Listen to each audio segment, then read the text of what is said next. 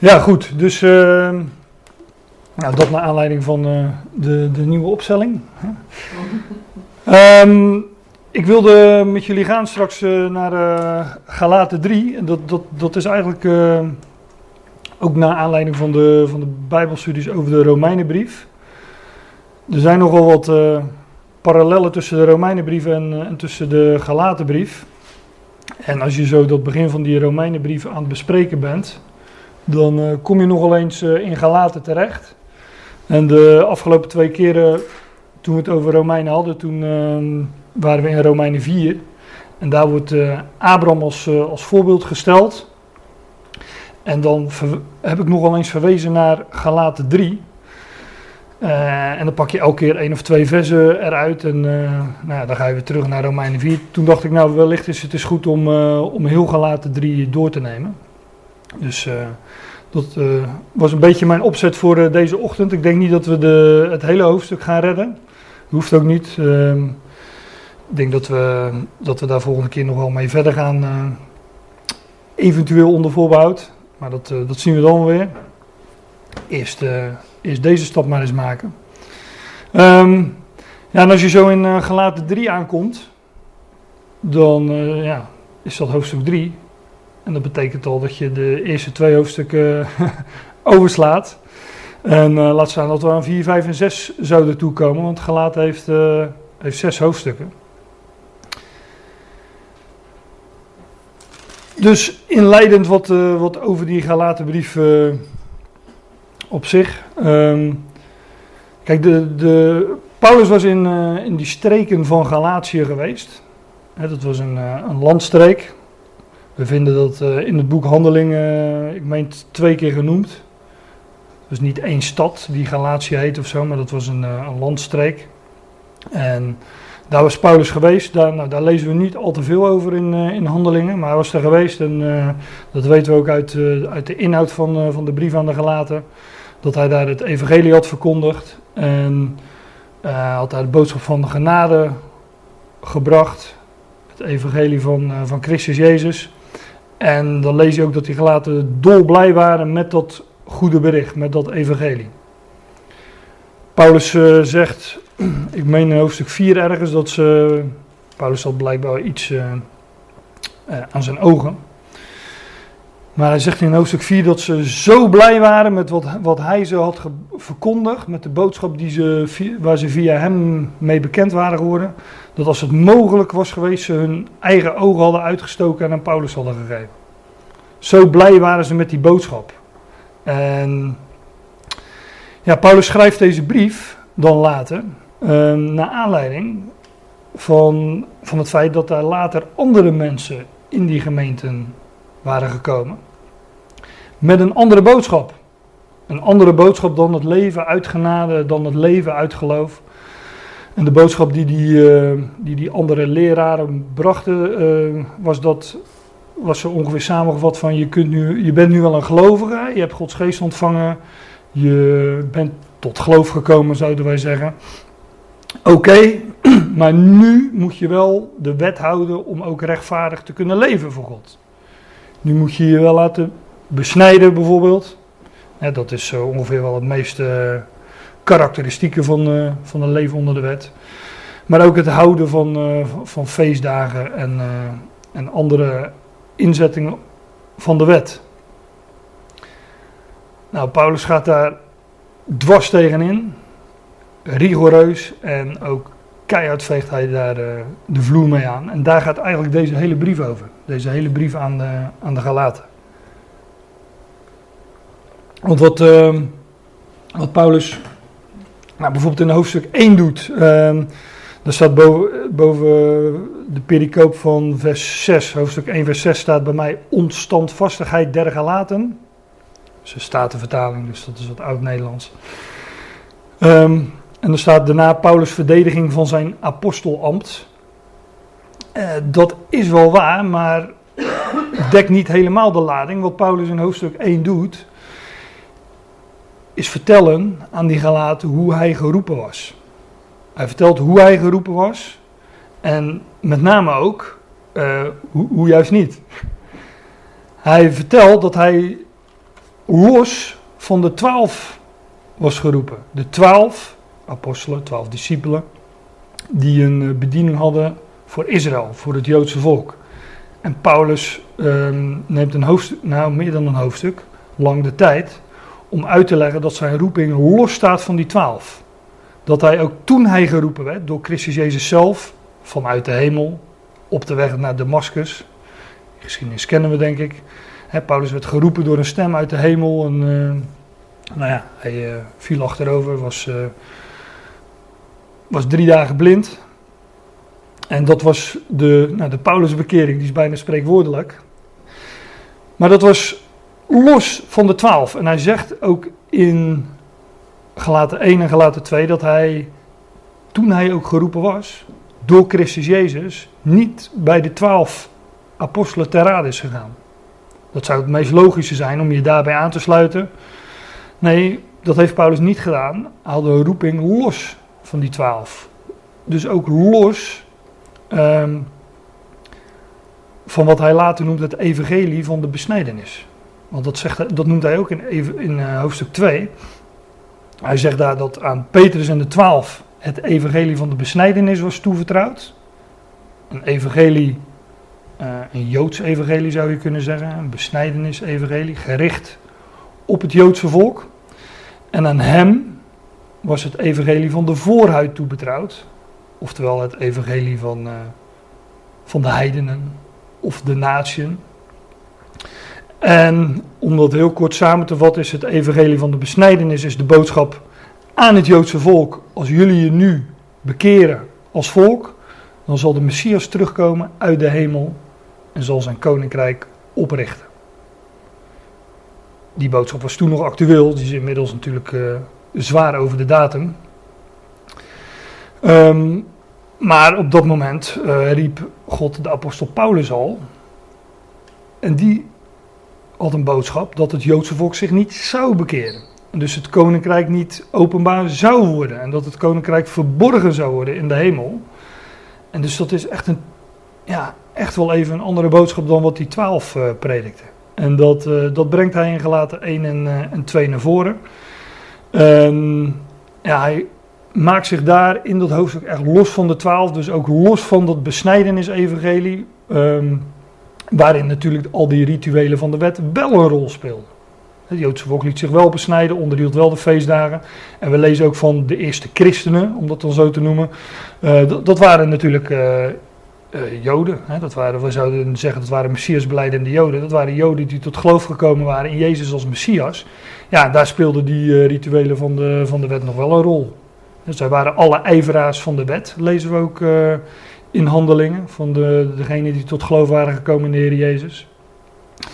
En um, ja, dat was ook niet zo moeilijk, want ze, dat, dat was het leven wat ze altijd al leidden, onder de wet. En uh, zij, uh, zij onderhielden die, uh, die rituelen van de wet nog steeds.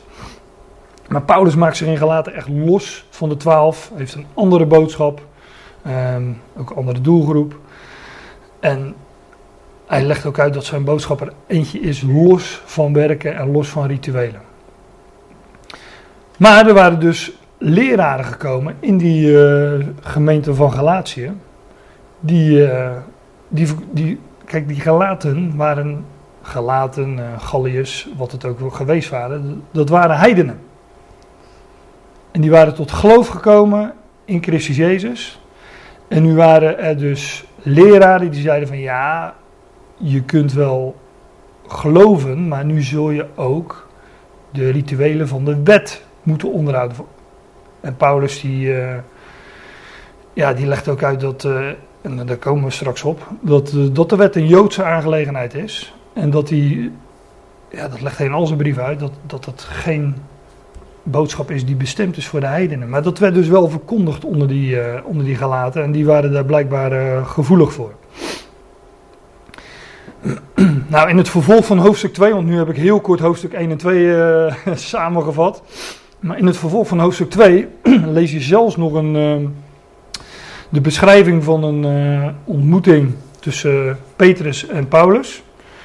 Waarin Petrus in Antiochië is, ook een, een stad buiten, buiten Israël, hè, dus op heidens gebied zou je kunnen zeggen.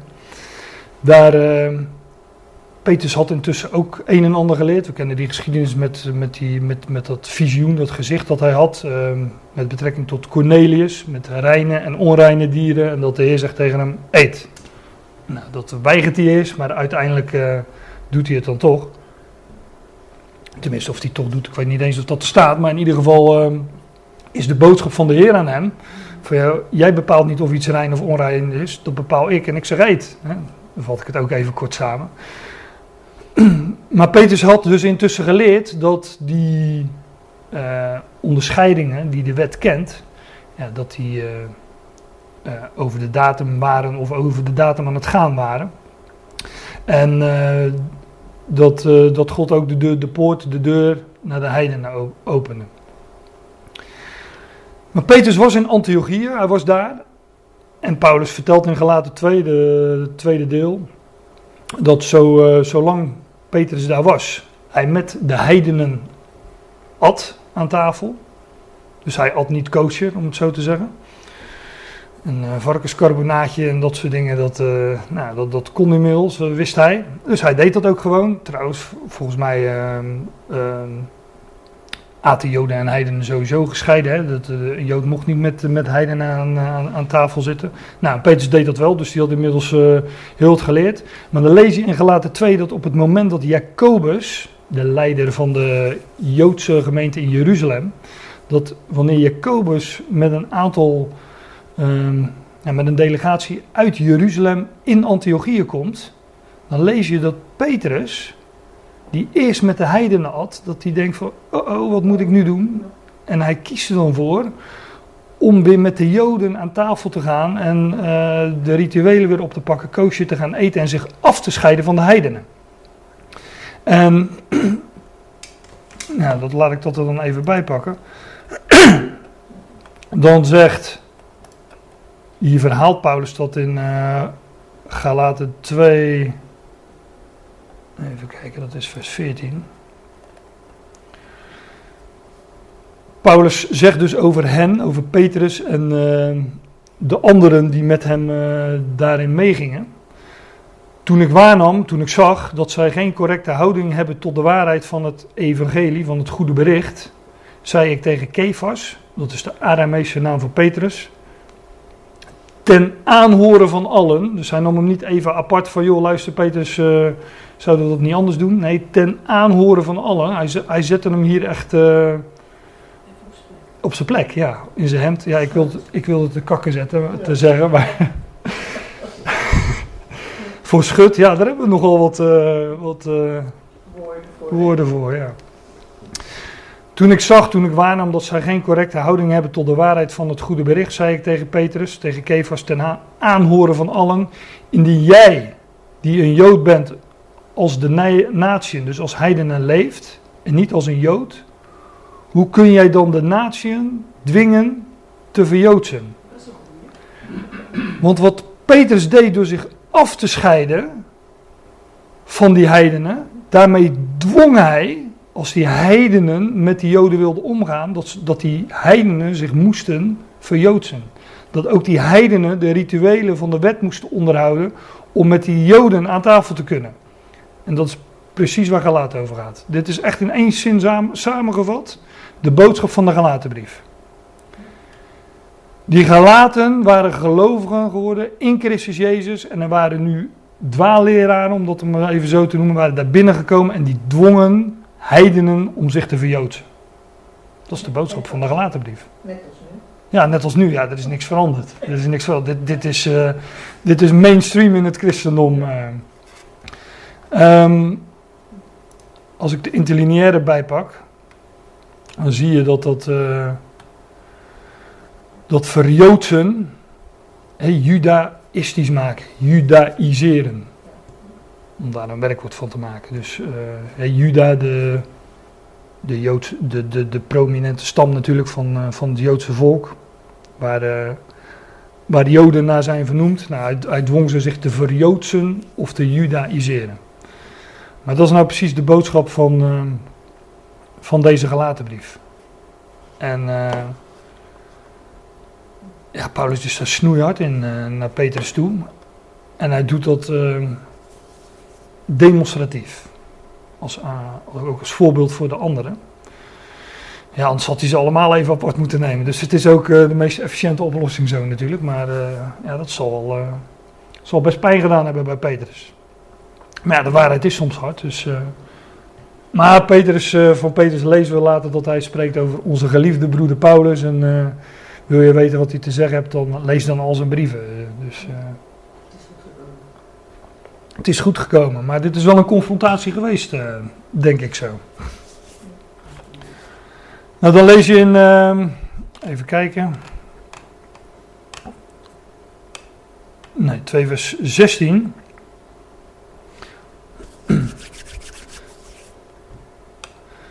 Hier zegt uh, Petrus aan, uh, Paulus aansluitend wij, en dan tussen zin van nature Joden en geen zondaars uit de, de natieën. Wij weten echter dat een mens niet gerechtvaardigd wordt uit werken van de wet, maar alleen door het geloof van Christus Jezus. Dus een mens wordt gered uit het geloof van Christus Jezus of door het geloof van Christus Jezus. Maar de boodschap in de gelaten brief is dat we daarna ook daaruit zouden blijven leven. Kom daar wel op, want daar gaat heel hoofdstuk 3 over. Wij weten echter dat een mens niet gerechtvaardigd wordt uit werken van de wet, maar alleen door het geloof van Christus Jezus. Ook wij geloven in Christus Jezus, opdat wij gerechtvaardigd zullen worden uit het geloof van Christus en niet uit werken van de wet. Ja, ik denk altijd, hoe, hoe, hoe, hoe duidelijk wil je het hebben? En het is nu eh, zondagochtend... Uh, nou, rond half elf. Er zijn nog heel wat kerken waar, waar toch die wet alweer uh, voorgelezen is. Dus standaard opening op zondagochtend. Maar waarom? Ja, als ik gewoon mijn Bijbel lees, als ik dit soort versen lees, dan haal je het wel uit je hoofd om, om dat te doen. Maar ja. Ook wij geloven in Christus Jezus, opdat wij gerechtsvaardigd zullen worden uit het geloof van Christus en niet uit werken van de wet. Want uit de werken van de wet zal geen vlees gerechtvaardigd worden. Geen vlees zal gerechtvaardigd worden uit de werken van de wet. Nou, dat is. Uh, ik ga nog even scrollen twee versen verder. Dit, dit, is ook keihard als het gaat om, uh, om die wet. Want ik stierf door de wet voor de wet. Ik stierf door de wet voor de wet, omdat ik voor God zou leven. Hoezo stierf Paulus? Hoezo stierven wij? Eventueel door de wet voor de wet. Nou, omdat de wet de zondaar ter dood veroordeelt.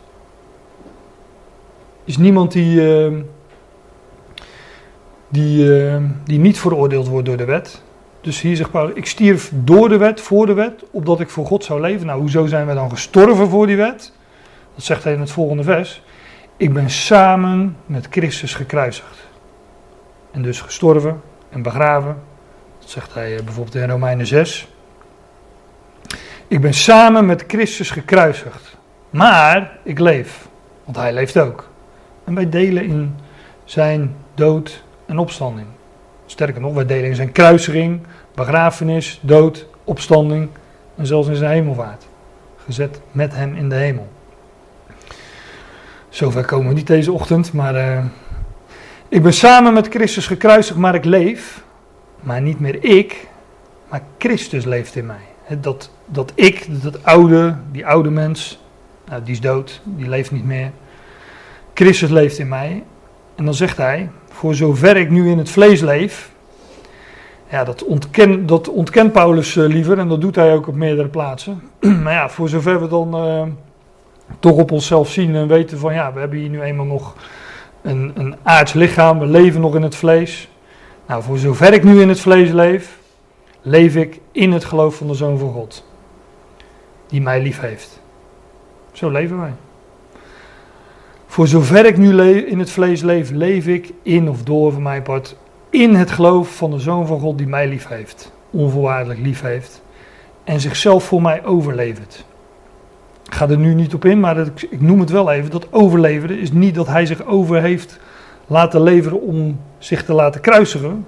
Dat hij zich overlevert is nu zijn positie in de hemel. Hij stelt zichzelf in dienst van zijn volk. Hij stelt zichzelf in dienst van ons, hij reinigt ons, hij heiligt ons, hij, ehm, hij, is, hij is onze hoge priester die ons reinigt, die ons, uh, onze belangen behartigt, hoe je het ook wilt zeggen. Maar daar doet hij een werk voor ons en op die manier levert hij zichzelf voor ons over. Nou, dat is uh, de context waarin, uh, waarin Paulus uh, deze dingen zegt en ook deze dingen van gelaten 3 gaat noemen. Wat zeg je het mooi duidelijk allemaal, Gerard? Nou ja, eigenlijk zeg ik alleen wat er staat, hè? en uh, kijk, ik, ik ben iemand die. Uh, ik, ik ben geen verhalen vertellen. Uh, en ik uh, laat staan dat ik, dat ik. Ik zou ook niet kunnen preken of zo. Ik zou echt niet weten hoe ik dat moet doen. En daarom geef ik ook op deze. Nou ja, ik zou, ja daarom geef ik op deze manier Bijbelstudie. Gewoon de, laten zien wat er staat. En daarom ben ik ook zo blij met zo'n programmaatje als, uh, als, als het ISA. Waarin je gewoon ook ja, kan laten zien wat er staat. Ja, het is super duidelijk. Ja. Maar je bent gewoon duidelijk. En Ja. daarom, eh, zei ik dan inderdaad over de kerk, hè, dat ze nu inderdaad heel wat anders horen. Dan denk ik wel eens, lezen die mensen dan zelf niet de Bijbel. Nee, nee dat, uh, over, het algemeen, over het algemeen is het antwoord daarop: nee, dat doen ze niet. Dan Nee. denk ik, ja, dus dat dan totaal iets anders is, wat veel mooier is. Maar ook die Galaten, die hadden het van uh, de leermeester van de natie hemzelf gehoord, Paulus. En uh, die waren ook afgedwaald. Dus blijkbaar. Het, is, het is ook goed om telkens weer je op dat woord te richten en erop gewezen te worden. Want blijkbaar zit er toch iets in de mens dat, dat, ja, dat we makkelijk op onszelf gaan zien. Ik bedoel, dat, dat kennen we toch ook. Wij, wij, wij, zijn, uh, wij zijn gelovigen, maar wij, uh, wij kijken niet uh, 24-7 alleen maar omhoog. Wij zien ook wel eens op onszelf. En dan denken we ook van, oh, oh, en nu? Dat kennen we allemaal, dat gevoel. nou, die gelaten waren ook weer, hadden zich ook weer tot het vlees gekeerd, om het, om het zo te zeggen. En nou ja, naar aanleiding van, het van al het voorgaande wat ik dan zojuist even heel kort heb samengevat in die uh, gelaten brief, zegt Paulus hier... O dwaze gelaten. Zij, zij, waren dus teruggekeerd naar de werken van de wet. O dwaze gelaten, wie betovert jullie? Aan wie Jezus Christus tevoren voor de ogen als gekruisigd werd beschreven. Ik weet niet of iemand een, uh, een statenvertaling heeft. Nee? Nee, niet bij. Maar dan. Uh, nee, er staan nogal wat woorden toegevoegd in de statenvertaling. Die, uh, die op zich het de betekenis van het vers niet anders maken, maar, maar daar wel. Ja, Paulus zegt het hier heel kort en krachtig. In de Statenvertaling staat: O gij uitzinnige gelaten, wie heeft u betoverd? En dan staat er dat gij der waarheid niet zoudt gehoorzaam zijn. Nou, dat staat dus niet in, in het vers, dat, dat zie je. Uh, als je een Statenvertaling hebt, kun je dat doorkrassen. Dat gij der waarheid niet zoudt gehoorzaam zijn. En dan staat er den welke. Dus aan wie, aan de welke Jezus, Christus voor de ogen tevoren geschilderd is geweest. Dan staat weer onder u. Nou, dat staat er ook niet, zie je. Gekruist zijn. Dus dat even voor de mensen die dit uh, eventueel luisteren en met Statenvertaling zitten mee te le lezen. Maar Paul, ja, ik, ik, heb die woorden nog eens uh, na zitten kijken. Ik denk van, zegt Paulus het echt zo grof?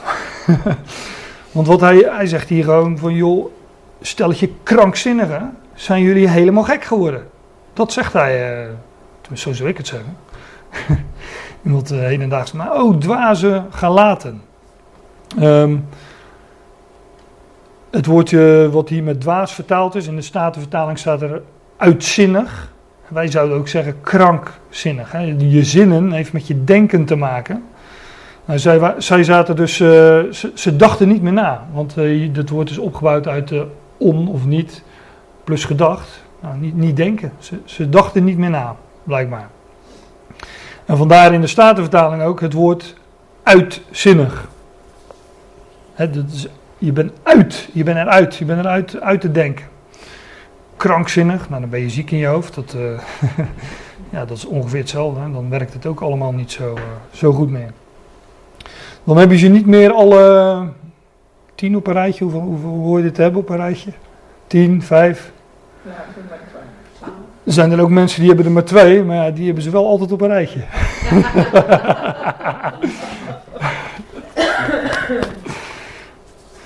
nee, die, die, die gelaten waren dwaas.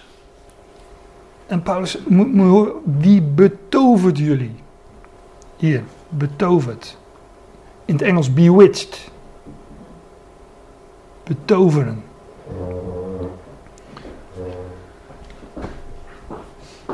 En uh, toveren is ook het manipuleren van wat, je, wat, je, wat tot je komt via je zintuigen. Hè? Het is het manipuleren van de werkelijkheid. Dus het is, echt een, uh, het is echt een heel sterk woord wat Paulus hier noemt, dat betoveren. Um, ja, en in de schrift heeft het ook wel met demonie te maken. Ik bedoel, lees de evangelie en je ziet hoeveel mensen daar bezeten zijn door demonen waarvan hun zintuigen niet meer werken. Blinden, doven, noem het maar op. Alles komt daar uh, voorbij. Die waren ook betoverd, betoverd door demonen namelijk. En uh, op het moment dat, uh, dat de demonen werd uitgeworpen, werken de zintuigen ook weer. Zo begon het toch ook met islam? Ja. Ja. Ja, die, uh, die betoverde ook, die betoverde de vrouw. Ja. O dwaze gelaten, wie betovert jullie? En dan zegt Paulus, aan wie Jezus Christus tevoren voor de ogen als gekruisigd werd beschreven. De Statenvertaling heeft uh, dat Christus hun tevoren voor de ogen geschilderd is. Paulus had ze dat op alle, alle mogelijke manieren onder de aandacht gebracht. En ik kan me ook zo voorstellen dat hij dat gedaan heeft aan de hand van, van schilderingen, van typen, van illustraties in het, in het Oude Testament. Zoals wij dat ook vaak doen als we bij elkaar komen. Dan, uh, dan uh, lezen we een geschiedenis van bijvoorbeeld David. Maar dan weten we, ja, dat gaat over, over Christus. Nou, zo, zo zal het hun ook geschilderd zijn. Maar in ieder geval, het, het, het, is hun geschilderd of beschreven.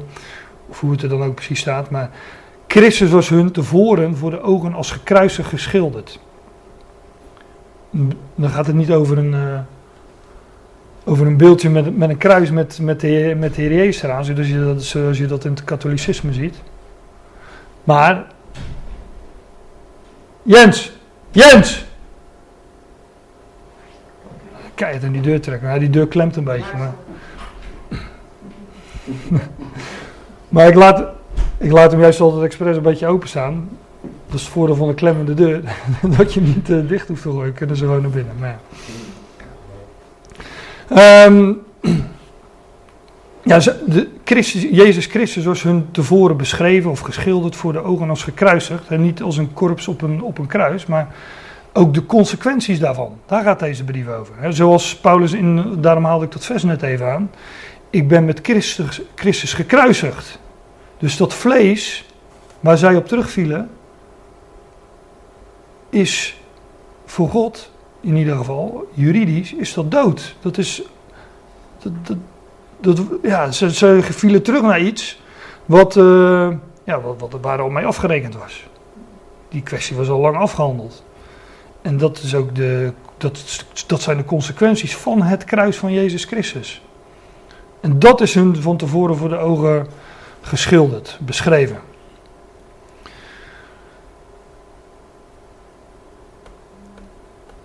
Dit alleen wil ik van jullie leren, zegt uh, Paulus dan. Namen jullie de geest in ontvangst uit werken van de wet? Of uit het horen van het geloof? Ja. Zij hadden de geest ontvangen en Paulus stelt ze de vraag: ja, hadden jullie de geest ontvangen? Hebben jullie dat uit, zijn jullie zelf aan het werk gegaan en nou had je toen uh, genoeg gedaan en kreeg je toen de geest? Krankzinnig, krankzinnige gedachte natuurlijk. Iedereen die deze vraag leest en de vraag eerlijk beantwoord weet van ja, dit, uh, dat heeft niks met, met werken van de mens te, te maken, want de mens schiet tekort. Dit alleen wil ik van jullie leren. Namen jullie de geest in ontvangst uit werken van de wet? of uit het horen, uit de prediking, zegt de Statenvertaling, van het geloof. Uh, dit woord horen is een, uh, een zelfstandig naamwoord. Dus niet, zo, niet het werkwoord horen, maar het horen. He. Het gehoorde zou je ook kunnen zeggen. Sta, staat hier ook in die. Uh, ja, heeft daar nog mee te maken, maar hier staat ook het, gehoorde. Hadden ze dat door, door actief te werken, vraagt Paulus aan ze, actief de werken uit de wet te vervullen of te doen, of het passieve uit het gehoorde van het geloof? Nou, die vraag is zo retorisch dat Paulus hem niet eens uh, beantwoordt. Want dat wisten die gelaten ook wel. Zijn, zo dwaas zijn jullie. In, de, in de Statenvertaling staat het, uh, ik weet niet hoe dat in de MBG is, gewoon even kijken. Ja, er worden vragen gesteld. Voor hier uh, in, in het voorgaande vers ook, in 3 vers 2. Dit alleen zou ik van jullie willen weten. Hebt gij de geest ontvangen ten gevolge van werkende wet? Of van de prediking van het geloof? Nou, dat is dus in allebei een vraag. Maar in, in 3 vers 2, 3 vers 3, daar ze, zegt Paulus in. Uh, ja, zegt hij: Of zo dwaas zijn jullie, of hij zegt: Zijn jullie zo dwaas, zo onverstandig? Dus dat uh, hangt een beetje van de vertaling af. Jullie die ondernemen in de geest, nu volbrengen jullie in het vlees. Ja, Paulus, of hij stelt het vast, of hij vraagt het ze, maar dan is het retorisch en is het dus ook een vaststelling. Het is een beetje uh, hoe, je, hoe je het neerzegt. jullie zijn begonnen met de geest, eindigen jullie nu met het vlees?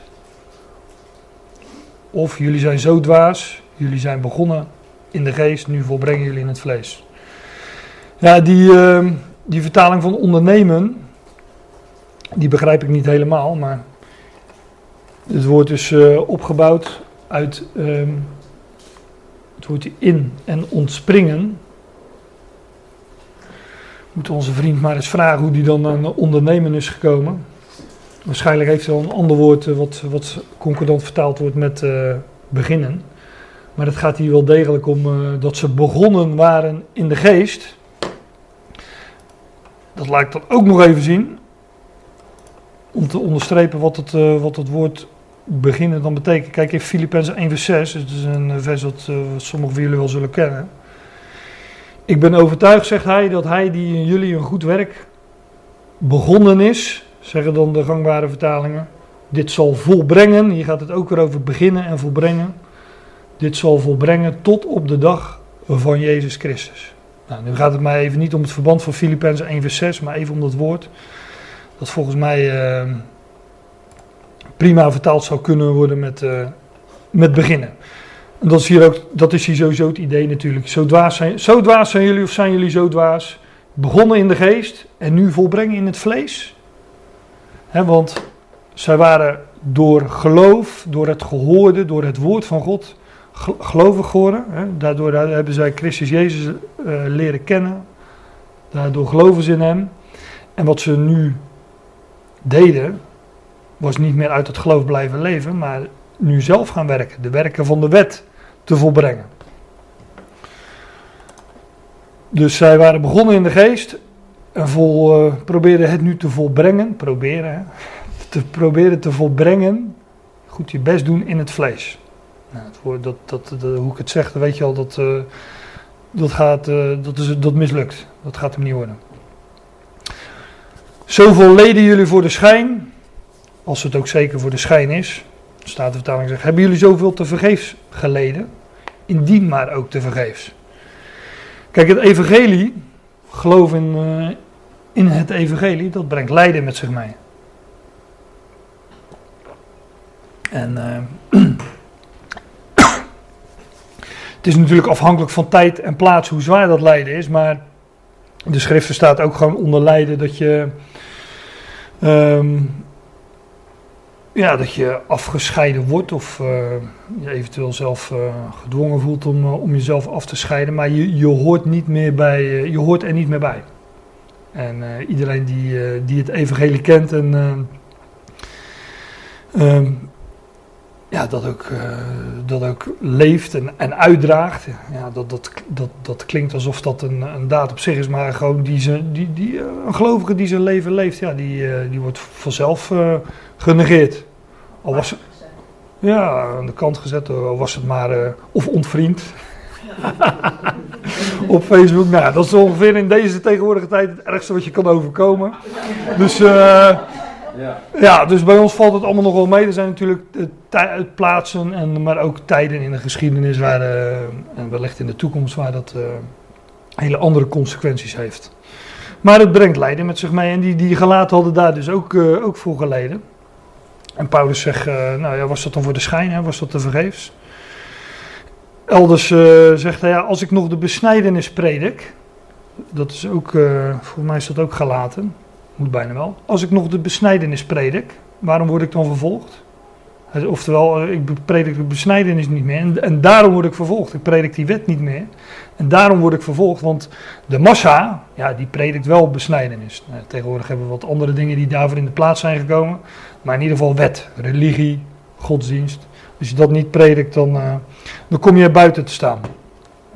En als ze zouden moeten volbrengen in het vlees, was hun eh, lijden omwille van de geest, omwille van genade, ja, dat was dan eh, te vergeefs geweest.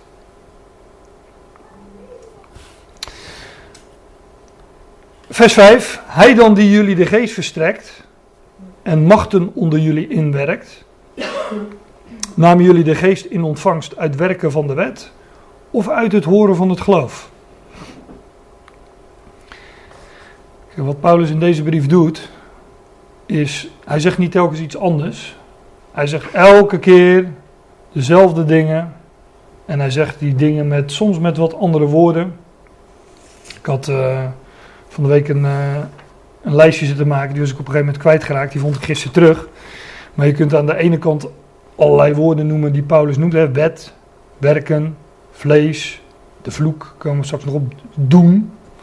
Nou, aan de andere kant heb je woorden als geloof, horen, geest, zegen, laten, ga, laten, en belofte. Allemaal dat soort woorden. En dat rijtje kan je, kun je zo aanvullen als je de gelaten brief leest van begin tot einde. En als je bijvoorbeeld een hoofdstuk als 2 Korinthe 3 daar nog naast legt, waar gesproken wordt over de bediening des doods en de bediening van de geest, nou dan eh, heb je aan het blaadje niet genoeg, denk ik. Dus, eh, maar Paulus gebruikt telkens andere woorden om hetzelfde onder, eh, onder de aandacht te brengen. Hij dan die jullie de geest verstrekt en machten onder jullie inwerkt, namen, jullie de geest in ontvangst uit werken van de wet of uit het horen van het geloof? Ja, ook weer zo retorisch natuurlijk. Ze hadden de prediking van Paulus gehoord, ze hadden een boodschap van genade gehoord, het evangelie van de genade van God. En ehm, ja, dat hadden ze ontvangen en aanvaard en eh, ze hadden de geest ontvangen. En daar hadden ze zelf niets aan gedaan. Daar, daar, daar konden ze niet eens wat uit doen. Laat staan uit, uit werken van de wet.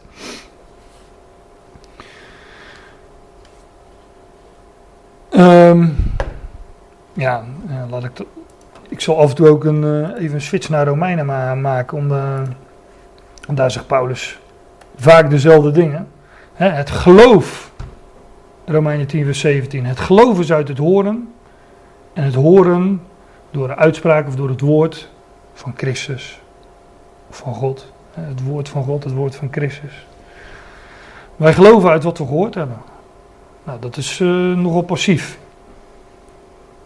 We, we hebben allemaal. eh, we horen het woord, we geloven het en eh, da- daar is het ooit mee begonnen. Nou, daar zouden we ook in blijven. En niet zelf dingen gaan doen om daar iets aan toe te kunnen voegen. Werken van de wet of wat dan ook. Nee, dat werkt niet. Dus het geloof is uit het horen en het horen door woord, uitspraak van Christus.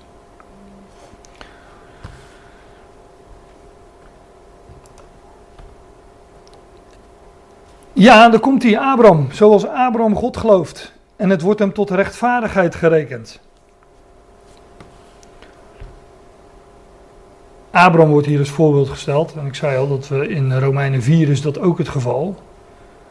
Wat deed Abraham om eh, rechtvaardig gerekend te worden? Hè? Die Galaten die waren weer van alles aan het doen om rechtvaardig. Ze dachten dat ze daardoor, dat was hun eh wijs gemaakt, wel wijs. dat hadden ze, nou ja, dat hadden ze hun, eh, verteld. Dat, dat zij rechtvaardig gerekend werden als zij zelf aan het werk gingen, de werken van de wet gingen onderhouden en volbrengen. Maar dan haalt Paulus Abraham aan en hij zegt, nou ja, al het voorgaande, hè, zoals, eh, daar jullie met de geest begonnen zijn, eindigen jullie met het vlees. Nou, en, die, uh, en God heeft jullie de geest gegeven. Nou, zoals Abraham God gelooft. En dat wordt hem tot rechtvaardigheid gerekend. Voordeel van zo'n programmaatje is dat je ook heel snel even kan switchen naar uh, waar dat gezegd wordt van Abraham. Abraham kreeg hier een gezicht, een visioen, Genesis 15. En God zegt tegen Abraham, uh, Abraham loop maar eens naar buiten. En dan uh, er staat er, en hij doet hem naar buiten gaan en hij zegt, kijk alsjeblieft naar de hemel en nummer, tel. Hè, als, je het, als je iets nummert, dan tel je iets. Tel de sterren, nummer de sterren, als je kan, hè, als je ze kunt tellen. Dus kijk naar boven en tel de sterren als je ze kunt tellen. En God zegt tegen Abraham, hij zegt tot hem, zo zal jouw zaad zijn. Tegen een onvruchtbare, verstorven man werd dit gezegd. Hè? Dat lezen je in Romeinen 4. Abraham was verstorven. Dat betekent dat hij uh, niet in staat was om uh, leven voor te brengen. Uh, het werkte niet meer, om het, om het zo te zeggen. Wat het is, dat mag je zelf invullen. Het werkte niet meer. het, ehm, en God zegt, zo zal jouw zaad zijn. En in, in Romeinen 4 lees je dat bij Sarah precies hetzelfde het geval was. De moeder in haar was verstorven. Het ging haar niet meer naar de wijze der vrouwen enzovoort. God zei tegen hem, zo zal jouw zaad zijn. En hij gelooft in, uh, in de Heer, in Adonai, Sadir. En hij rekent het hem, aan hem tot rechtvaardigheid. Dus Abraham werd, hoorde God iets zeggen. En Abraham ging niet zelf aan de slag. Dat kon hij helemaal niet. dat was sowieso uh, buiten de orde. Maar Abraham geloofde wat God zei. En dat werd, dat werd hem gerekend tot rechtvaardigheid. Nou, zo was het bij die, uh, bij die Galaten dus ook. Laat ik Romeinen 4 er dan ook nog even bij pakken. Een beetje herhaling voor degenen die, uh, die daarbij waren wellicht. Maar hier zegt uh, Paulus precies hetzelfde. Wat zullen wij dan uitspreken? Want Abraham onze voorvader naar het vlees gevonden heeft, verkregen heeft. Want indien Abraham uit werken gerechtvaardigd werd, dan heeft hij roem. Ja, dan kan hij zichzelf op de borst slaan, als hij uit werken gerechtvaardigd werd. Maar niet bij God. Want wat zegt de schrift? Abraham gelooft God en het wordt hem tot rechtvaardigheid gerekend. Hier wordt gewoon precies hetzelfde aangehaald. En hier komt het in Genesis. Ik heb nu alleen Genesis 15 aangehaald, maar dan kom je het nog een aantal keren tegen. Dat, Abraham, uh, dat Abraham God geloofde en dat God een belofte deed over uh, uh, dat zijn nakomelingen zijn zaad zal, zou zijn als, als de sterren aan de hemel, het stof der aarde en het zand der zee. Dus dat, die, die, die beloften zijn nogal eens, nogal eens herhaald aan, aan Abraham. Terug naar uh, Galaten 3. Zo 3 vers 6. Zoals Abraham God gelooft en het wordt hem tot rechtvaardigheid gerekend.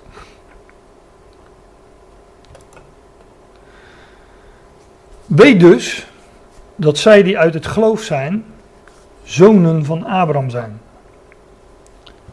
En een zoon in de Bijbel is een, uh, een erfgenaam, sterker nog een, een mede-erfgenaam. Is niet per se een biologische nakomeling, maar zonen delen in de bezittingen van de vader. Daarom kon die, uh, uh, die verloren zoon die weer gevonden werd, zeg maar, die kon ook zeggen: geef mij mijn deel. Terwijl zijn vader nog leefde. Nou, dat erfrecht, dat, dat, dat, is een hoofdstuk apart. Daar moeten we het misschien nog eens een keer over hebben, nu niet.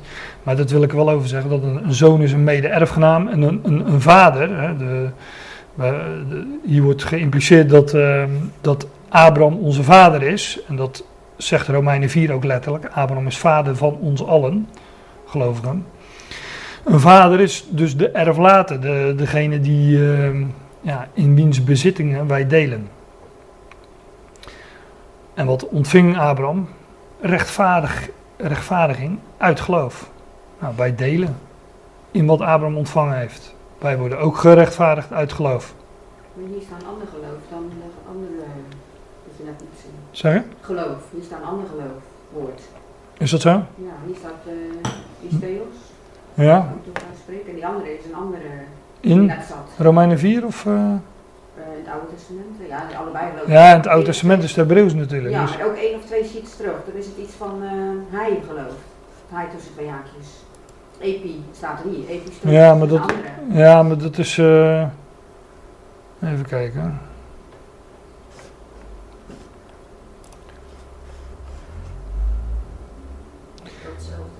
Ja, er is wel hetzelfde werkwoord, alleen er staat, eh, er staat dan eh, blijkbaar epi voor.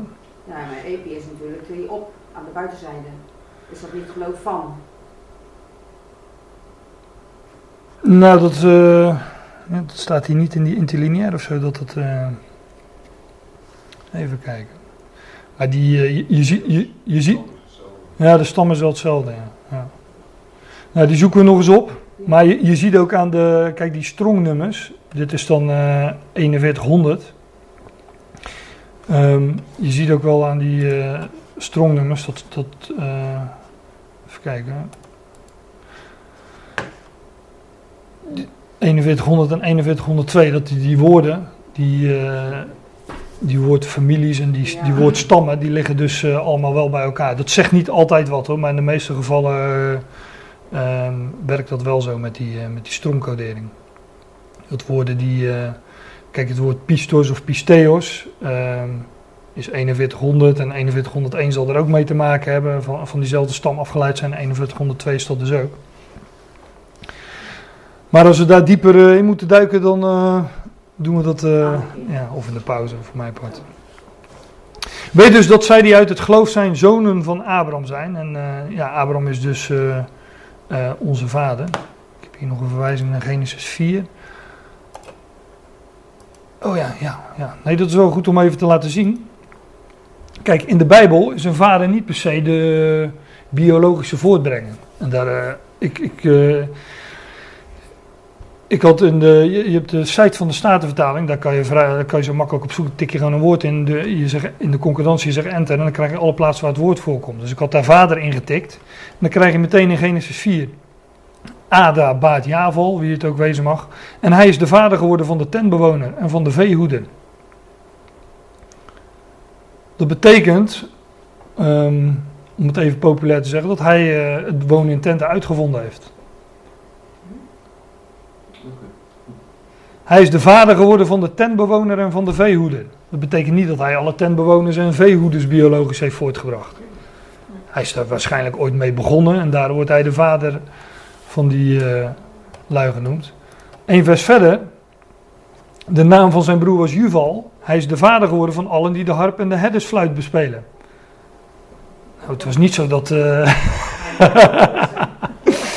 is er hier iemand die harp of fluit speelt? ja. Allebei. Oké.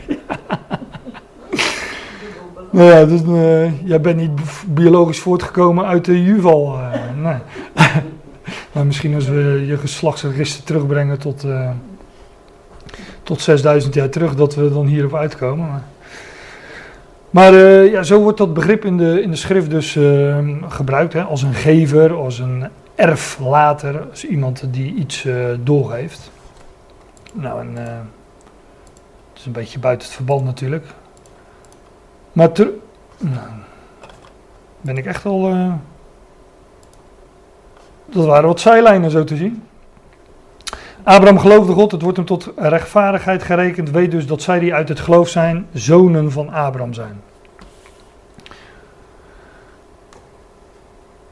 Ik stel voor dat we even gaan, eh, gaan pauzeren. Dan kunnen we even, even koffie drinken en dan gaan we na de pauze weer verder. We waren eh, gebleven in eh, vers 8. Even vers 7 nog meelezen. Weet dus dat zij die uit het geloof zijn, zonen van Abraham zijn. En de schrift, die tevoren waarneemt dat God de natieën uit geloof rechtvaardigt, brengt tevoren een goed bericht aan Abraham. In jou zullen al de natieën inbesloten en gezegend worden. Doe de deur dicht, vriend. Doe de deur dicht. Goed man. Dat is een mooie belofte, toch? Prachtig. Ja. Ja. Ja de, De Statenvertaling die heeft hier uh, de schrift tevoren ziende dat God de heidenen uit het geloof zou rechtvaardigen, heeft tevoren aan Abraham het evangelie verkondigd. Ja, het evangelie verkondigd. Aan Abraham is uh, ja, geëvangeliseerd, staat er gewoon. Uh, pro, van tevoren evangeliseren, van tevoren een goed bericht brengen. Dus aan Abraham was, aan Abraham was het evangelie al verkondigd. Nou, om, uh, voor degenen die uh, bij de studies van Romeinen zijn. En ook voor degenen die daar niet zijn natuurlijk. maar daar wordt uh, in de, de aanval van de Romeinenbrief, Paulus stelt zich hiervoor, als slaaf van Christus Jezus, groep afgevaardigden. Paulus afgezonden tot het evangelie, het goede bericht van God, dat hij tevoren belooft. Nou, aan wie?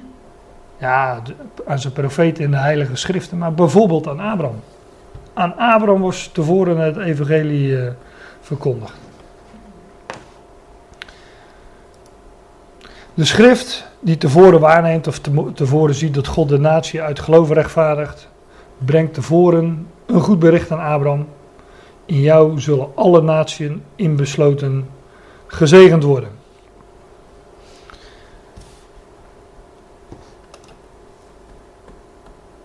Zodat zij, die uit het geloof zijn, gezegend worden samen met de gelovige Abraham. Ja, samen met is dus hè, in u zullen alle, nou, het staat er op, eh, op verschillende manieren.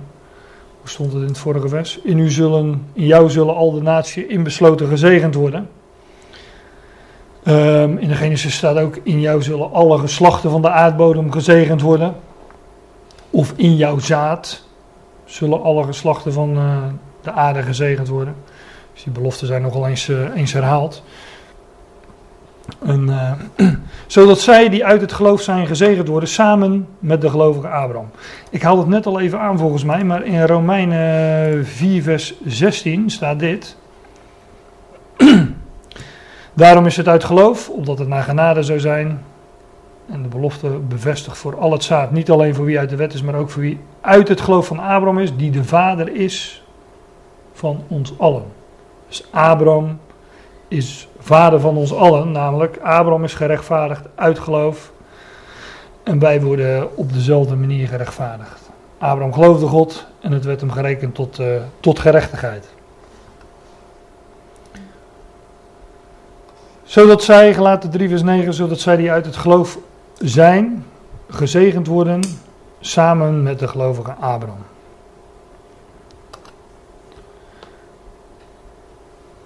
nou, ik had het net over sterke woorden, maar hier komen er ook een paar van Paulus. Want allen die uit de werken van de wet zijn, zijn onder een vloek. Want er staat geschreven, vervloekt is in ieder die niet blijft in alles wat er geschreven is in de boekrol van de wet, om dat te doen. Onder de wet is dus gelijk aan onder de vloek, hè, staat hier. Allen die uit de werken van de wet zijn, zijn onder, onder de vloek.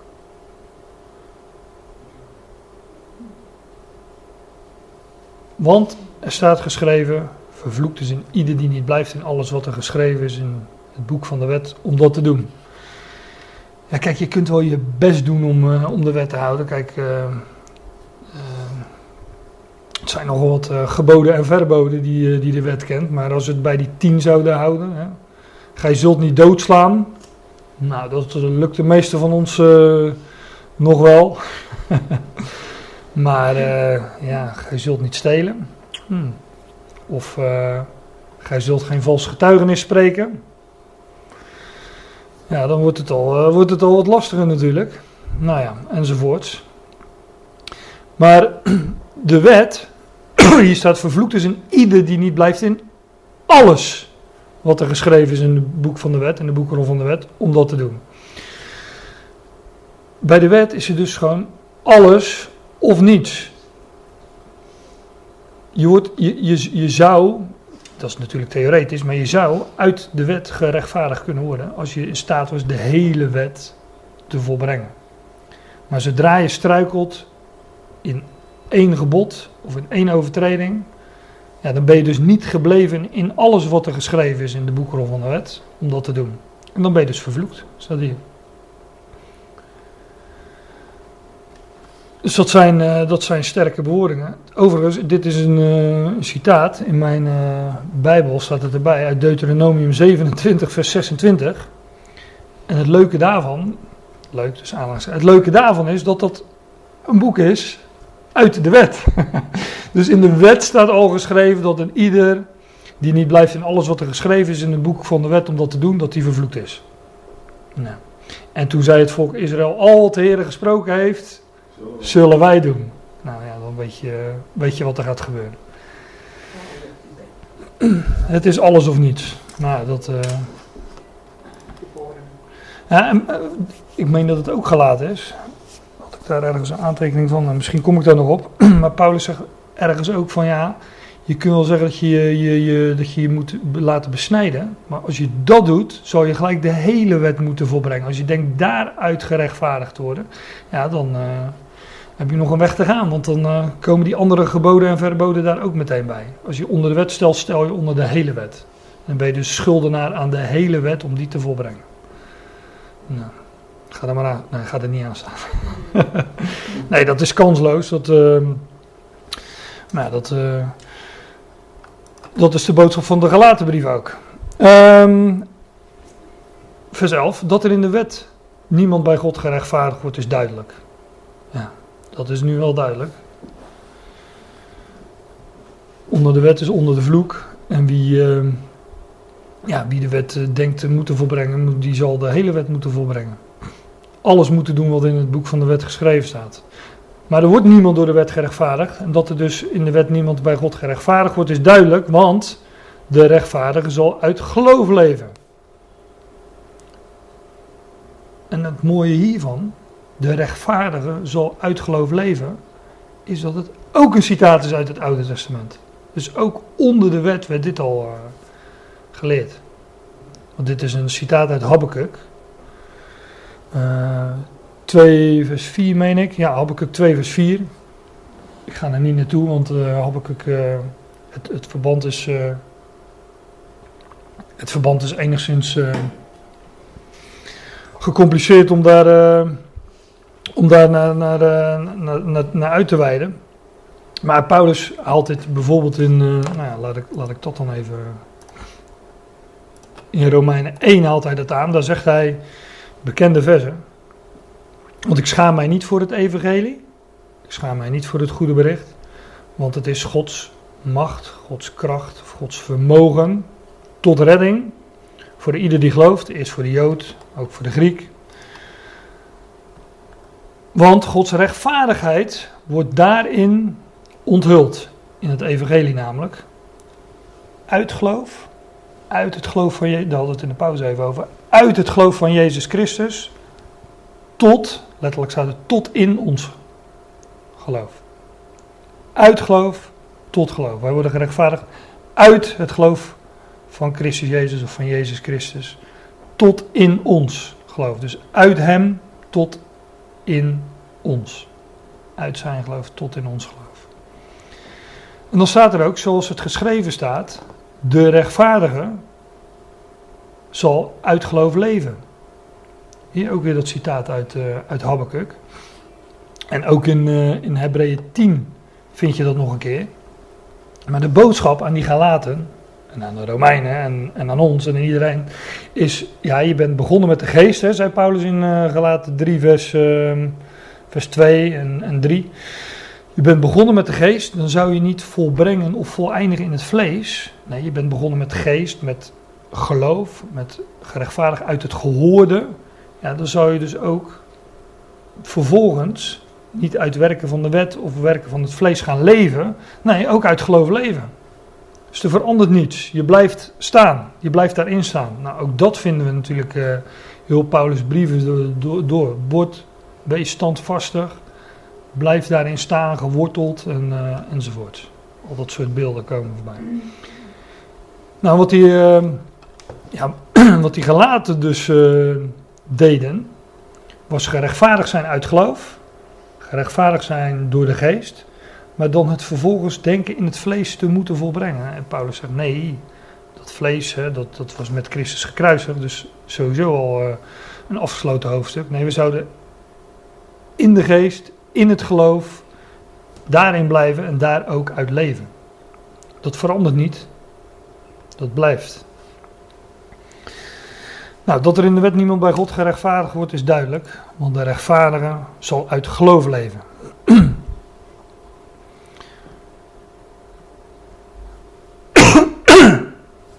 ja, maar de wet is niet uit geloof. Maar wie ze doet, zal in hen leven. De wet is niet uit geloof, de wet is, uh, de, de wet is doen. Maar de wet is niet uit geloof, maar wie ze doet, zal in, in hen of daarin leven. Dus die doet zal leven, dus die niet doet, ja, die zal sterven. En daarom, uh, daarom wordt de wet, dat, dat zijn trouwens ook hele sterke woorden van de, ook de apostel Paulus. Daar wordt de wet een bediening van dood genoemd, een bediening des doods. Indien de bediening van de dood met letters op stenen uitgebeiteld, het gaat over die, uh, die stenen tafelen, die tabletten van Mozes. Indien de bediening van de dood met letters op stenen uitgebeiteld met zulke heerlijkheid kwam, ja, enzovoorts. Maar er staat wel ook dat die wet, dus wel degelijk licht, dus wel degelijk heerlijkheid. En die was al zo heerlijk dat de zonen van Israël um, niet aandachtig naar het gezicht van Mozes kunnen kijken vanwege de heerlijkheid van zijn gezicht. Mozes zijn gezicht straalde toen hij die wet ontvangen had. Ja, ik, ja de, de 2 Korinthe 3 doen we een andere keer wel weer. Ik ga er nu niet te diep op in. Maar um, dan wordt in vers 8 gezegd: Hoe zal niet nog meer de bediening van de geest in heerlijkheid zijn? Als een bediening des doods al heerlijkheid gaf, ja, wat, wat dan een bediening. Ze zou eigenlijk een bediening van leven verwachten. Want een bediening des doods tegenover een bediening van leven. Maar er staat bediening van geest. Dat zijn gewoon synoniemen. Net als ook, ik zei net al, Paulus in de Galatenbrief. Hè, had hij steeds andere woorden aan. Hij gebruikt ook geest, belofte, leven en wet, dood. Uh, vlees enzovoort. Dus uh, ja, die, die dingen worden door elkaar uh, gebruikt om steeds weer met wat andere woorden hetzelfde naar voren te brengen.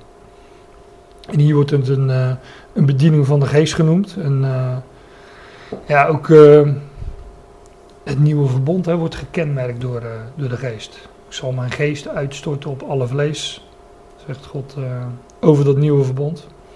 Nou, een bediening van de geest en dus, dus van leven. Wanneer God zijn geest gaat uitstorten op dat volk, ja, dan zal het volk ook leven en geloven. Um, weer terug naar Galaten.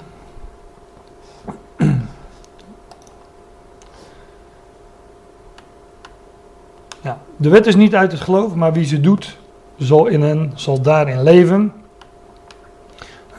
Christus koopt ons vanuit de vloek van de wet, door voor onze vloek te worden. Want er staat geschreven, vervloekt is een ieder die op een hout gehangen wordt. Ja, ook dit is iets wat je al in het, uh, in het Oude Testament beschreven vindt. Dat is ook Deuteronomium. Deuteronomium 21 vers 23 is dit uh, uit aangehaald. Dus dat werd ook al, ook al in het Oude Testament geleerd. Bedekt weliswaar, maar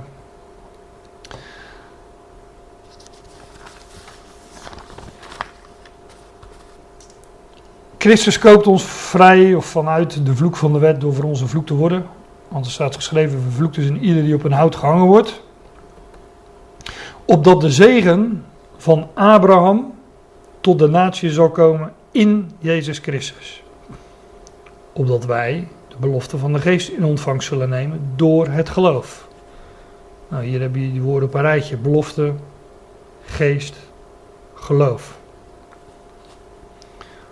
opdat de zegen van Abraham tot de natie, tot de heidenen zal komen in Jezus Christus, opdat wij de belofte van de geest in ontvangst zullen nemen door het geloof. Ja, telkens wordt hetzelfde herhaald, een beetje smaller, een beetje breder, steeds weer met andere woorden. Ehm, ik moet een beetje voortmaken, dus ik, eh, ik ga verder. Want dit wil ik nog deze komende vers wil ik nog wel even bespreken. Broeders, Paulus zoekt wat eh, toenadering, verbondenheid. Broeders, ik zeg dit naar de mens. Hij zegt nu even los van, eh, van de schrift. Het is gewoon even eh, naar de mens gesproken. Net zoals een verbond van een mens dat bekrachtigd is, niemand wijst het af of wijzigt het. Even kijken hoe de MBG dat heeft. Broeders, ik spreek op menselijke wijze. Zelfs het testament, ja, dat is gewoon het woord voor verbond. Zelfs het testament van een mens dat rechtskracht verkregen heeft. Niemand kan het ongeldig maken of er iets aan toevoegen. Eh, Als er een eh, verbond of een, eh, wij noemen dat wellicht een, eh, een contract, dan, eh, dan, dan, dan, kun je dat, dan kun je dat niet zomaar, zomaar verbreken. Dat is eh Paulus' boodschap. En hij zegt, dit, dit is al naar de mens is dit zo. Hè? Ik spreek op menselijke wijze. Een verbond dat bekrachtigd is, hè? er staan, een, staan handtekeningen onder. Nou, dat kun je niet zomaar terzijde leggen of je kunt het ook niet zomaar wijzigen. Dat kan wel, moet je het openbreken en eh, moet je weer samen gaan zitten met degene met wie je het verbond gesloten hebt. Nou, waarom zegt hij dit? Dat lezen in de volgende verse. Broeders, ik zeg dit naar de mens, net zoals een verbond van een mens dat bekrachtigd is, niemand wijst het af of wijzigt het. Nu werden aan Abraham de belofte uitgesproken en aan zijn zaad. Hij zegt niet en aan zijn zaden als over velen, maar als over één. En aan jouw zaad, dat wil zeggen Christus. Ehm, ja, dit is een beetje een, eh, een tussenzin van Paulus. Want hij gaat in vers 17 eigenlijk verder met zijn, eh, met zijn redenering eh, uit vers 15. Kijk, wat Paulus, dit, dit, dit vers, ik, ik ga even, even terug naar vers 15. Ik zeg dit naar de mens, zoals een verbond van een mens dat bekrachtigd is. Niemand wijst het af of wijzigt het. Hè? God had een belofte gedaan aan Abraham. Daarin was niets afhankelijk van de mens. God zwoer een belofte aan, eh, aan Abraham. Ik wel even naartoe gaan. En, eh, bijvoorbeeld, dat is eh, een voorbeeld, bijvoorbeeld in Genesis 22. Daar roept een engel van, van God van, voor de tweede keer staat hij vanaf de hemel tot Abraham. En hij zegt, ik zweer bij mezelf, zegt eh Yahweh, met nadruk, Hashem, de naam. Ik zweer bij mijzelf, zegt Yahweh met nadruk, omdat jij dit gedaan hebt en jouw zoon, jouw enige niet van mij teruggehouden of onthouden hebt. Dit is na het offer van Isaac. Omdat je dit gedaan hebt, Abraham, zweer ik dat ik, ik zal jou zegenen, ja zegenen, en ik zal jouw zaad vermeerderen, ja vermeerderen als de sterren van de hemel, als het zand aan de oever van de zee. En jouw zaad zal de poort van zijn vijanden overnemen of erfelijk bezitten. En alle naties van de aarde zullen zichzelf, zullen zichzelf zegenen in jouw zaad, omdat jij naar mijn stem geluisterd hebt. Dit is dus de belofte van God aan Abraham, allemaal, ik zal, en er wordt helemaal niets van Abraham gevraagd. En God sloot dit verbond met Abraham, en daarover zegt Paulus in Galaten 3, nu werd aan Abraham die belofte uitgesproken. Ehm, nou, hij zegt in vers 15, ik zeg dit naar de mens, hè, dus een verbond van een mens dat bekrachtigt. Bij de mens is het al zo, niemand wijst het af of wijzigt het. Nou, dan even deze tussenzin in vers 16. Nu werd aan Abraham de belofte uitgesproken en aan zijn zaad. Hij zegt niet en aan zijn zaden als over velen, maar als over één en aan jouw zaad. En dan zegt, zegt Paulus hier, dat wil zeggen, dat zaad van Abraham is Christus. Ik parkeer het nu even. Ik wil de volgende keer de rest van Galaten 3 bespreken en wil dieper ingaan op dat zaad van Abraham. Van dat, dat zaad van Abraham is Christus. En wat betekent dat voor ons? Want er staat in het laatste vers van Galaten 3 dat wij na de belofte erfgenamen zijn. Nou, welke belofte erven wij dan? Dus eh, vers 16, eh, daar ga ik nu even aan voorbij. Parkeer ik voor de volgende keer en dan. eh, in ieder geval zegt Paulus hier dat zaad van Abraham, dat ja, zou je zeggen dat is Isaac, of het nageslag van Abraham. Maar Paulus zegt nee, ten diepste is dat zaad een enkelvoud en dat is Christus. waarvan waarover later meer. En dit zeg ik, zegt hij dan in vers 17, want hij had het over een mensenverbond. Hè, ik spreek naar de mens op menselijke wijze. Hè, dat verbond, daar doet niemand iets aan af, niemand wijzigt dat. Maar dit zeg ik, de wet, die na 430 jaar gekomen is, maakt een verbond dat tevoren door God bekrachtigd is, niet ongeldig. Zodat de belofte buiten werking gesteld zou worden. Lange zin. Wat Paulus hier zegt, ik zeg ik het even in mijn eigen woorden. Aan, ooit waren aan Abraham belofte gedaan. Dat verbond met Abraham kent geen onbindende voorwaarden. Is een verbond van één kant van God die zegt: Ik zal, ik zal jou zegenen. Ik zal jouw zaad vermeerderen. Ik zal jouw nageslag maken als sterren des hemels, het eh, stof der aarde, het zand der zee. Ik zal dat doen. En Abraham, die, eh, daar werd niks van gevraagd. God sloot eenzijdig een verbond en er waren geen opschortende, onbindende voorwaarden. En Paulus zegt hier, later, na 430 jaar, maakte God een verbond. Het verbond eh, met Mozes, het oude verbond. Maar dat maakt dat verbond van de wet, dat verbond van Mozes, dat maakt het verbond van de belofte, doet het niet teniet, maakt het niet ongeldig. Zodat de belofte buiten werking gesteld zou worden. Het is niet zo dat het, de, het verbond van de wet in de plaats van het verbond met Abraham is gekomen. Nee, die twee bestonden dus blijkbaar naast elkaar.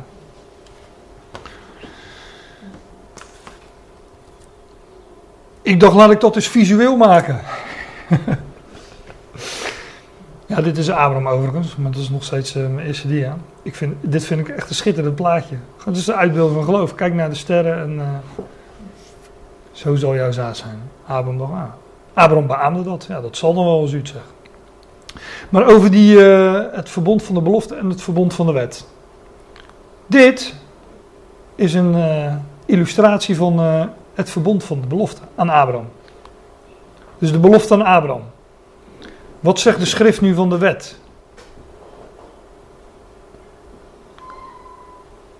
Die kwam daarbij, die kwam daar tussen. Volgens mij lezen we dat nog straks.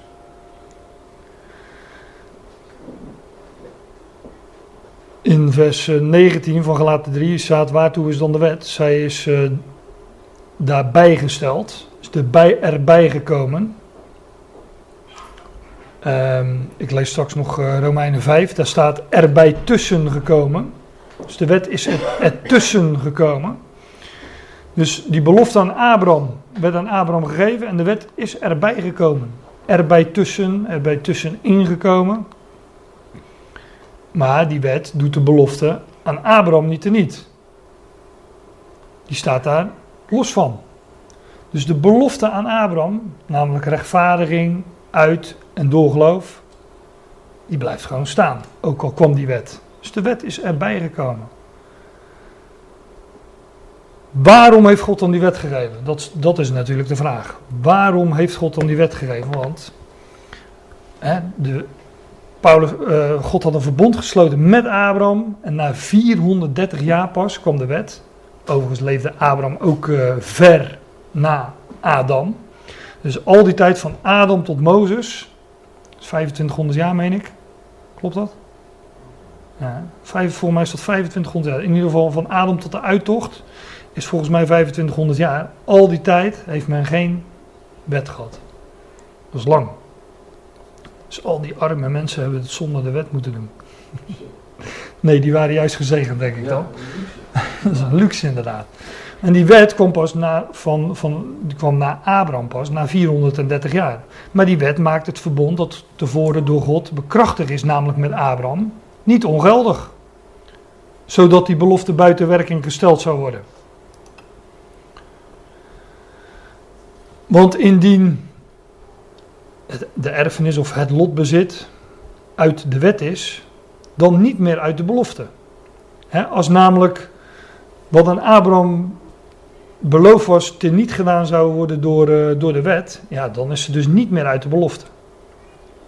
indien het. Kijk, een lotbezit is gewoon een, ehm, eh, een deel wat je ontvangt. Het woord lot zit daar nog in, hè, wat je door het eh, lot toevalt, toegeworpen wordt. Ehm, ik vind het, het woord erfenis, wat de Statenvertaling en MBG gebruikt, ook prima. Alleen bij erfenis denken wij vaak dat er. Ja, dat treedt pas in werking als er iemand overleden is. En dat is, in dit, eh, dat is hier niet, eh, niet per definitie het geval. Indien het lotbezit uit de wet is, dan niet meer uit de belofte. en juist door een belofte heeft God aan Abraham zijn gunst bewezen. Ja, want dan zou namelijk de wet de belofte teniet hebben gedaan. Dan zou de wet de belofte ontbonden hebben. Dan zou de wet het verbond met Abraham ontbonden hebben. En dat, dat is dus niet het geval, zegt eh, Paulus hier. En dan komt de vraag. Wat is dan de wet? Of waartoe? Zeggen andere vertalingen. Waartoe of waarom? Waarom dan de wet?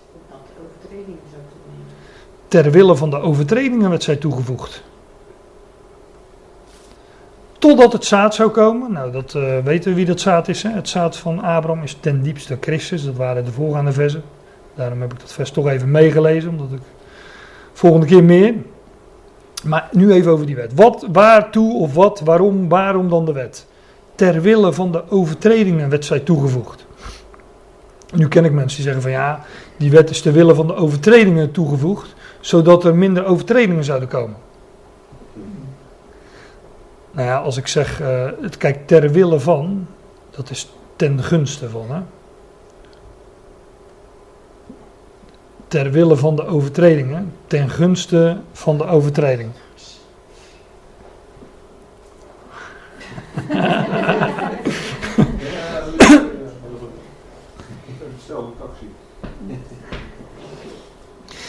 Kijk, als je zegt ter wille van iets, dan is het niet, of ten gunste van iets, dan is, en zo is hier ter wille van de overtredingen, dan is het niet opdat die overtredingen minder zouden worden.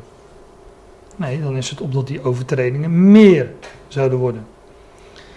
En iedereen begrijpt dat. Elke ouder die kinderen heeft, die weet dat het zo werkt. Dat als je een kind eh, ehm, zegt wat het wel en niet mag doen, nou dan, ehm, dan willen ze het juist, en je, of je hebt ze in ieder geval op een idee gebracht, waar ze misschien niet eens op waren gekomen. Dus dan heb je de, het, het verlangen om, eh, om het toch te doen, heb je aangehouden. De, de, de, de schrift zegt ook, de wet is de prikkel van de zonde. De wet prikkelt ons tot zondigen, namelijk tot overtreden. nou, iedereen, ik zei al, iedereen die kinderen heeft, weet, eh, weet hoe dat werkt. En Paulus zegt in, eh, dat is ook Romeinen, hij zegt, als, ik, als, ik, als de wet niet had gezegd, gij zult niet begeren, dan had ik niet eens geweten wat begeerte was. Romeinen 7 is dat. Maar in, ehm, nou, hier zegt Paulus, wat is dan de wet? Zij werd ter wille van de overtredingen, werd zij toegevoegd, totdat het zaad, Christus zou komen, aan wie hij het heeft beloofd. En zij wordt voorgeschreven door de boodschappers in de hand van de bemiddelaar. Daar kom ik straks even op terug. Nu even naar Romeinen 5, want daar staat het wellicht nog duidelijker. Kijk, de wet kwam erbij binnen. De wet kwam ertussen, erbij binnen. Hè, zoals ik dat net eh, op mijn eh, fraaie illustratie liet zien. Werd er gewoon tussen geschoven. Met een bepaald doel. Nou, wat is dat doel? Opdat de misstap zou toenemen. Je kunt je wellicht nog uh, gelaten 3 vers 19 zo verdraaien dat je zegt van nou ter wille van de overtredingen.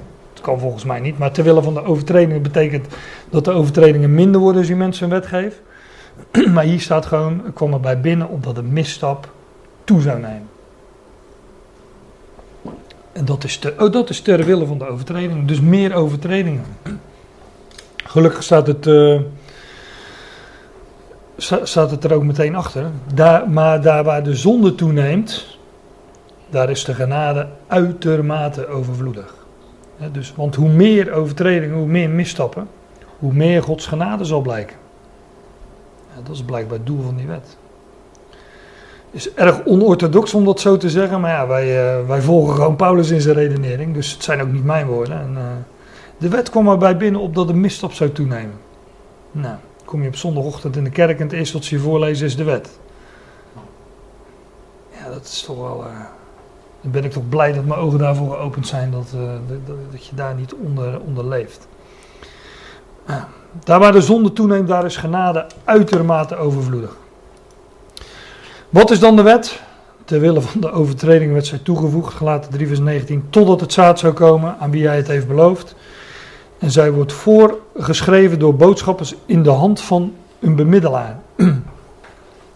Vroeg net al, wie heeft er een eh, statenvertaling? Dat waren niet veel. Ik zelf wel. Laat ik de MBG er eens bij pakken. Waartoe dient dan de wet? Om de overtredingen te doen blijken. Kijk, dat is ook... eh, om de overtredingen te doen blijken is er bijgevoegd. Dat is wel... eh, dat is ook wel enigszins verdraaid. Totdat het zaad zou komen waarop de belofte sloeg en zij is op last van God door engelen in de hand van een middelaar gegeven. En de Statenvertaling heeft die middelaar met een hoofdletter. Dus die waren echt de draad kwijt toen ze aan het vertalen waren. Want het gaat hier natuurlijk gewoon over Mozes, die de wet ontving door bestellingen van engelen, zegt de schrift elders. Dat we, Mozes ontving de wet van God, nou, blijkbaar door, eh, door engelen ook. Ehm, en zij wordt voorgeschreven door boodschappers, want dat woord boodschapper, dat is het woord ehm, hier, agelon, engel. Dus wat vertaald wordt meestal met, eh, met engelen, maar dat is, een engel is gewoon een boodschapper. Maar die, ehm, die wet werd gegeven aan Mozes, blijkbaar door, eh, door de hand van, eh, van engelen, via de hand van engelen. Nou, enzovoort. Ehm, de bemiddelaar is niet van één, maar God is één. En dan lees ik dit vers nog even mee. Is de wet dan in strijd met de belofte van God? Mogen het niet gebeuren? Staat de vertaling dat zij verre. En we al hebben volstrekt niet. Want indien er een wet gegeven werd die levend kon maken, werkelijk, dan zou de rechtvaardigheid uit de wet zijn. Maar de schrift sluit allen samen op onder de zonde, opdat de belofte uit het geloof van Jezus Christus gegeven zal worden aan hen die geloven. Kijk, een zondaar besloten, eh, opgesloten, de schrift sluit allen samen op onder de zonde. De, nou ja, dat lezen we in eh, Romeinen 11 bijvoorbeeld op. Ook, God sluit alles of allen op onder de ongehoorzaamheid om zich over allen te ontfermen. Romeinen 11, eh, de laatste vers, het vers 32, daar in de buurt meen ik. Om zich over allen te ontfermen. De schrift sluit alles samen op onder de zonde, opdat de belofte uit het geloof van Jezus Christus gegeven zal worden aan hen die geloven. Ja, God beloofde dat zaad van, eh, van Abraham. En eh, dat is Christus. En wij worden gerechtvaardigd uit het geloof van Jezus Christus. Uit de belofte. Uit geloof, uit genade, uit de geest. Hoor je dat of niet? Ik hoor stemmen boven die roepen halleluja. Oh, wat een, ti- oh, wat een timing. Maar inderdaad, halleluja, daar zouden we God voor prijzen. Dat, eh, dat we dat hebben ontvangen in hem, in zijn zoon, eh, in zijn zoon Christus Jezus. Ja, ehm, hier wilde, het, wilde ik het maar bij laten. Ik wil afsluiten met woorden uit de, uit de Romeinen. Afsluiten met woorden uit de Romeinen 3. Daar staat het ook, hè. allen zondigden, hè, allen zijn onder de zonde opgesloten. Allen zondigden hebben tekort aan de heerlijkheid van God en worden om niet gerechtvaardigd in zijn genade door de verlossing die in Christus Jezus is. Dus uit geloof, uit het geloof van Christus Jezus. Amen.